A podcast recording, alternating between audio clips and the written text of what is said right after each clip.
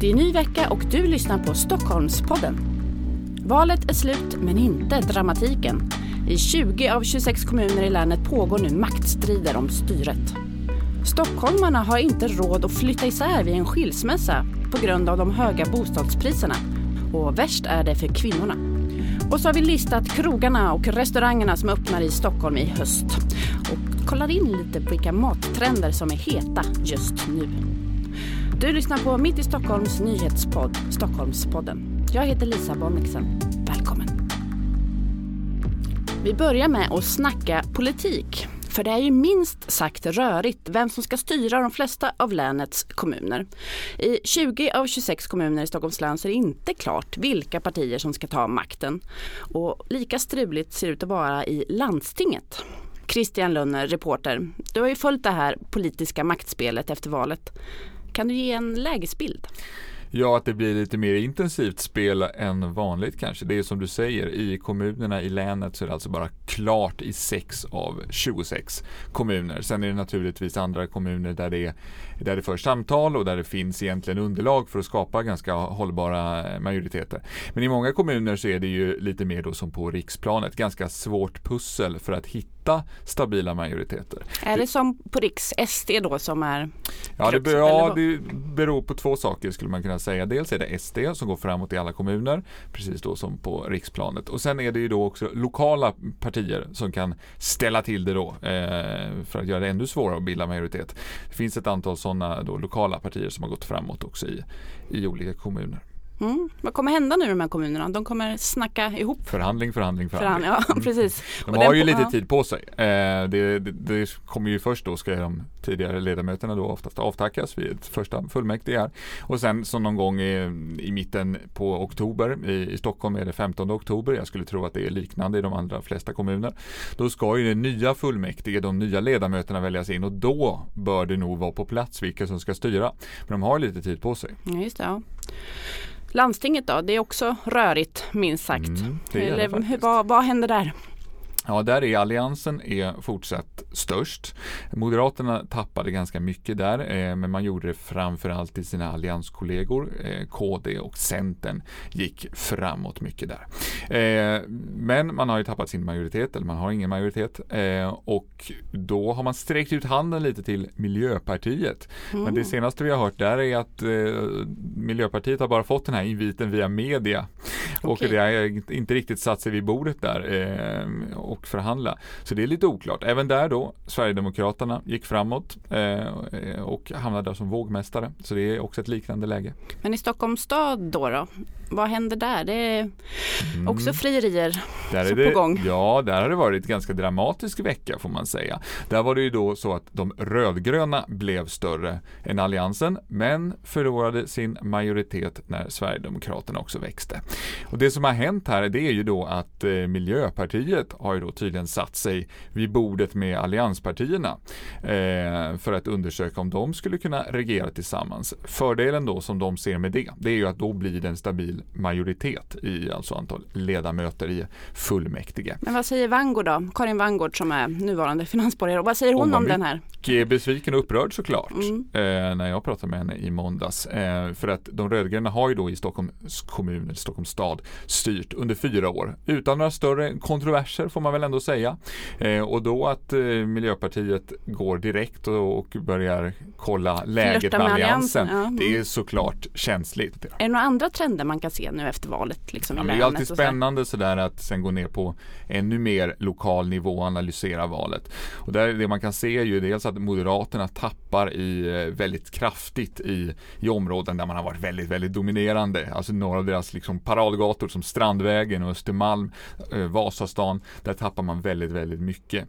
Mm. Eh, och sen är det intressant att se där det finns liksom, i kvarter, alltså små, små distrikt där en enda fråga har ja, just varit det, helt du hade något intressant exempel där. Ja, Kungsholmen va? Ja, precis. I Fredhäll på, på Kungsholmen. Eh, där har ju varit en stor fråga vad som ska hända med Fredhällsparken.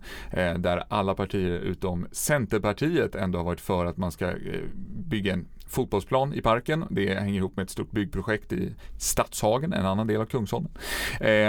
Och den frågan har varit väldigt viktig för de som bor närmast den här parken. Och Centern har i, i det här området, i Fredhäll, blivit största parti, gick fram eh, otroligt starkt och fick över 20 procent. Och de var emot de var emot. De var emot, ja, precis.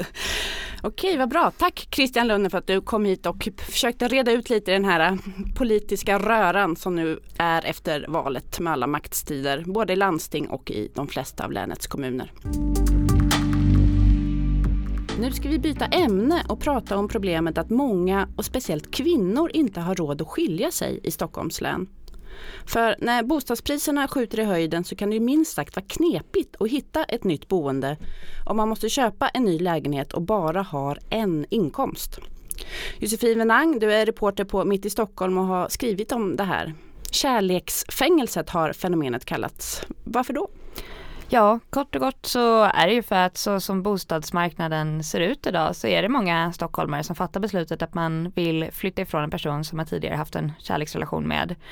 Men som tvingas bo kvar i flera år för att man hittar ingen väg ut. Mm, vad, blir, vad, eller vad är problemet då? Ja, alltså problemet har ju två delar. Dels så är det ju hyresmarknaden där köerna är otroligt långa och växer för varje år i alla delar i hela länet. Och det andra är ju priserna på bostadsrätter och på ja, men hus som har stigit väldigt, väldigt mycket de senaste åren och lönerna har inte hängt med. Mm. Du har ju träffat Lotta som var tvungen att bo ihop med sitt ex länge under flera år. Kan, kan du berätta något om hur hon upplevde situationen? Ja, det var ju inte lätt för någon av de två. Det, de hade bestämt sig för att de skulle flytta isär, börja ett nytt liv, starta om och samtidigt så i två och ett halvt års tid så kom de hem till den här personen de hade bestämt sig för att lämna varje dag. De löste det genom att hon tog sovrummet, han bodde i soffan. Ehm, men det var inte lätt för någon av dem. Ehm, ja, det påverkar ju, man tänker att livet ska ta en riktning och sen så står man kvar. Hur många skilda är det som fortfarande bor ihop på sådant här sätt i Stockholm? Vet man det? Nej det är svårt att säga, jag har inte hittat någon statistik alls för det. Men det man kan säga är att det är en otroligt stor grupp som påverkas av läget på bostadsmarknaden. Om man tittar på ja, men, snittlönerna och priserna så finns det ju inte någon kommun i hela Stockholms län där kvinnors snittlöner motsvarar lönen du behöver för att köpa en trea. Inte i någon kommun alltså? Nej, inte en enda kommun och det är då förutsatt att du har 15% för en kontantinsats. En del kanske har ägt bostad med sitt ex och sålt och gjort en större vinst och då löser det sig. Men ser man möjligheten att köpa en bostad som ett sätt att gå för bostadskön så ja, då är utsikterna inte ljusa. Politiker har ju snackat om att man skulle skapa en gräddfil för just sådana här typer av familjer som ja, men barnfamiljer som skiljer sig. På samma sätt som det finns för studenter och äldre och så. Är det något som är på G eller vad, vad händer där? Ja, det får vi lite grann se vilka som tar makten nu efter valet. Men det är väl framförallt också Länsstyrelsen som trycker på att det är någonting som behövs. Idag har vi ju de här gräddfilerna som du säger för unga och för äldre och det är flera politiska partier i Stockholm som vill utvidga Stockholms bostadskö som den ser ut idag, att den ska omfatta fler. Till exempel kanske låginkomsttagare eller hemlösa barnfamiljer. Att de ska ha möjlighet att ta vissa öronmärkta lägenheter eller kunna gå före kön. Så ja, men där får vi se. Det är en majoritet av partierna som tycker att bostadskön behöver göras om. Sen har de lite olika lösningar på vad det är som behövs just för att folk som inte har andra möjligheter ska kunna få en bostad. Mm. Men vi får invänta vem som tar makten först eller vad, vad väntar vi på? Eller, ja, ja jo nej, men definitivt det. Vem som tar makten och därefter förhandlingar för partierna vill ju mm. olika saker. De har olika lösningar. Mm. Vad bra. Tack Josefin Wenang, reporter på Mitt i Stockholm för att du pratade om det här problemet med kärleksfängelset, alltså att skilda inte har råd att flytta isär i Stockholm på grund av bostadsmarknaden. Tack själv. Nu är det dags för vår nyhetschef Erik Thorsson att presentera ett nyhetssvep med nyheter från mitt i som ger dig koll på vad som händer här runt om i Stockholm. Nästan en månad in i höstterminen står ettorna i Stockholms stads gymnasier fortfarande utan datorer. På grund av en miss i upphandlingen har 7000 datorer försenats och i vissa skolor tvingas elever vänta ända till slutet av oktober. Det blir lättare och lättare för Stockholms ungdomar att få tag i knark. Det visar Stockholmsenkäten som görs bland 24 000 ungdomar i nian och i tvåan på gymnasiet. Mer än varannan gymnasieelev uppger att de provat eller blivit erbjuden knark någon gång. Möjliga anledningar till ökningen är bland annat mer tillåtande attityd till knark, att unga har mer pengar och att det är lätt att få tag i knark. AIK ser ut att slå publikrekord i derbyt mot Hammarby i fotbollsallsvenskan på söndag. Till matchen på Friends Arena, där ettan och tvåan i serien möts, väntas åtminstone 48 000 åskådare, kanske så många som 50 000. Det nuvarande rekordet, från 1967, är på drygt 45 000 åskådare. Och fler sportrekord det är nämligen Bengt Benke Bark som 65 år gammal blivit äldsta målskytt någonsin i Södermalmsklubben Reimersholms IK. Det var 20 år sedan sist, men i C-lagsmatchen mot Sörskogen hemma på Tantolundens BP blev det alltså fullträff. Och enligt uppgift var det riktigt snyggt också. Nu ska vi snacka mat och krognyheter. För runt 20 nya ställen har eller ska öppna i Stockholm i höst. Och den som har koll på det här det är Allt om Stockholms reporter Johan Thornton. Hej hej! Hallå hallå! Va, vad är det för trender vi ser i Krog-Stockholm? Uh, ja men det första som man ser är att uh, de här uh, mellanrätterna fortfarande är superpopulära när nya ställen öppnar, alltså sådana här mindre rätter som det är meningen att vi ska dela på kring bordet. Man måste äta flera för att bli mätt rätter. Ja mm. precis och det är ju ganska trevligt men det är också någonting som jag är lite trött på men, men krögarna verkar tycka att det är Är det så 2017? Är det det du säger? nej, nej det, det, det skulle jag inte säga. Tidigare än så i så fall men Personligen är jag lite trött på det men, men samtidigt är det ett väldigt trevligt sätt att käka tycker jag så att uh, man fattar att det fortsätter. Och sen så ser vi också att uh, det öppnar fler hotell och fiffiga restauranger till de här hotellen som Tidigare var det en massa ställen runt Brunkebergs torg och nu är det ju eh, Bankhotell som öppnat en krog som heter Bonnis. Okej, okay, var, var ligger det någonstans? Det ligger på Arsenalsgatan, alltså precis runt hörnet från, från Berns kan man säga. Och eh, jag har faktiskt varit där och käkat. Det är supertrevligt. Väldigt ambitiös satsning men sen så är ju han ju också en väldigt liksom men han är väl känd för asiatisk mat eller kan du inte berätta lite om Erik Jo, Lidegård? jo nej, men det är han. Han är ju um, det, man brukar säga att det är han som har utvecklat den asiatiska, eller kanske främst den japanska och den kinesiska maten i Stockholm. Han var med och drev East länge på Stureplan och sen så hade han det här stället som hette Halv trappa plus gård som låg bara runt hörnet från Stureplan som satsade på mat från Sichuan-regionen i Kina och eh, det blev så populärt så att när han stängde, jag läste detta ganska nyligen, så att när han stängde sin krog så fanns det vänner och stammisar som hade liksom blivit så beroende av det, den maten så att han startade en middagsklubb i sin äh, lägenhet för ett tiotal eller tjugo personer åt gången. Det, det, vet jag inte om man gör fortfarande men, men äh, Ja, det är skvaller bakom kulisserna, det gillar vi. jag, bara, jag tänkte, du som har koll nu på alla krognyheter, kan du inte ge några tips till oss också?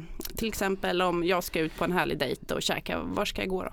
Um, alltså, det ska också sägas, jag har tyvärr inte hunnit, eller såklart inte hunnit käka på alla ställen men eh, just Bonnies hotell som jag, eller säga, bankhotell med, med krogen Bonnie som jag nämnde tidigare. Det är rätt eh, coolt för att det är en sån atmosfär där man kliver in och sen så är det liksom dekorerat eller inrett i någon sorts tidigt 1900-talsstil med jätte, jättehögt i tak och marmorgolv och liksom ett gött surr och bra mat också. Vad bra. Kul tips. Tack så mycket Johan Thornton att du kom hit och berättade lite om höstens krognyheter i Stockholm. Ja, tack själv. Nu ska det handla om något helt annat, nämligen höstens stora satsning på Moderna Museet. En utställning om Andy Warhol, eller av ska vi säga. Allt om Stockholms reporter Sandra Eriksson, hej hej! Hej! Du har ju sett den här utställningen som, ja, den, premiären var i helgen. Ja, precis. Kan du inte berätta lite, vad bjuds det på? Eh, ja, det är ju en eh, sorts metautställning kan man säga. Eh, Warhol 1968 heter den. Eh, eftersom att Warhol gjorde sin första egna utställning i Europa på just Moderna Museet i Stockholm. Eh, så det är en utställning om utställningen och eh, komplexiteten i hans konstnärskap eh, innan 68 och efter. Aha, så Moderna tar lite cred över att de var de första som visade och vill Ja men det skulle man kanske kunna påstå. De har ju eh, en hel del av hans verk i sin samling redan. Vad är det man får se då? Är det Brilloboxarna och stora porträtt på Marilyn Monroe? Eller vad? Ja men det är Brilloboxarna. Eh, kotapeten som satt på Moderna Museet när han ställde ut 1968 är, finns också i lokalerna.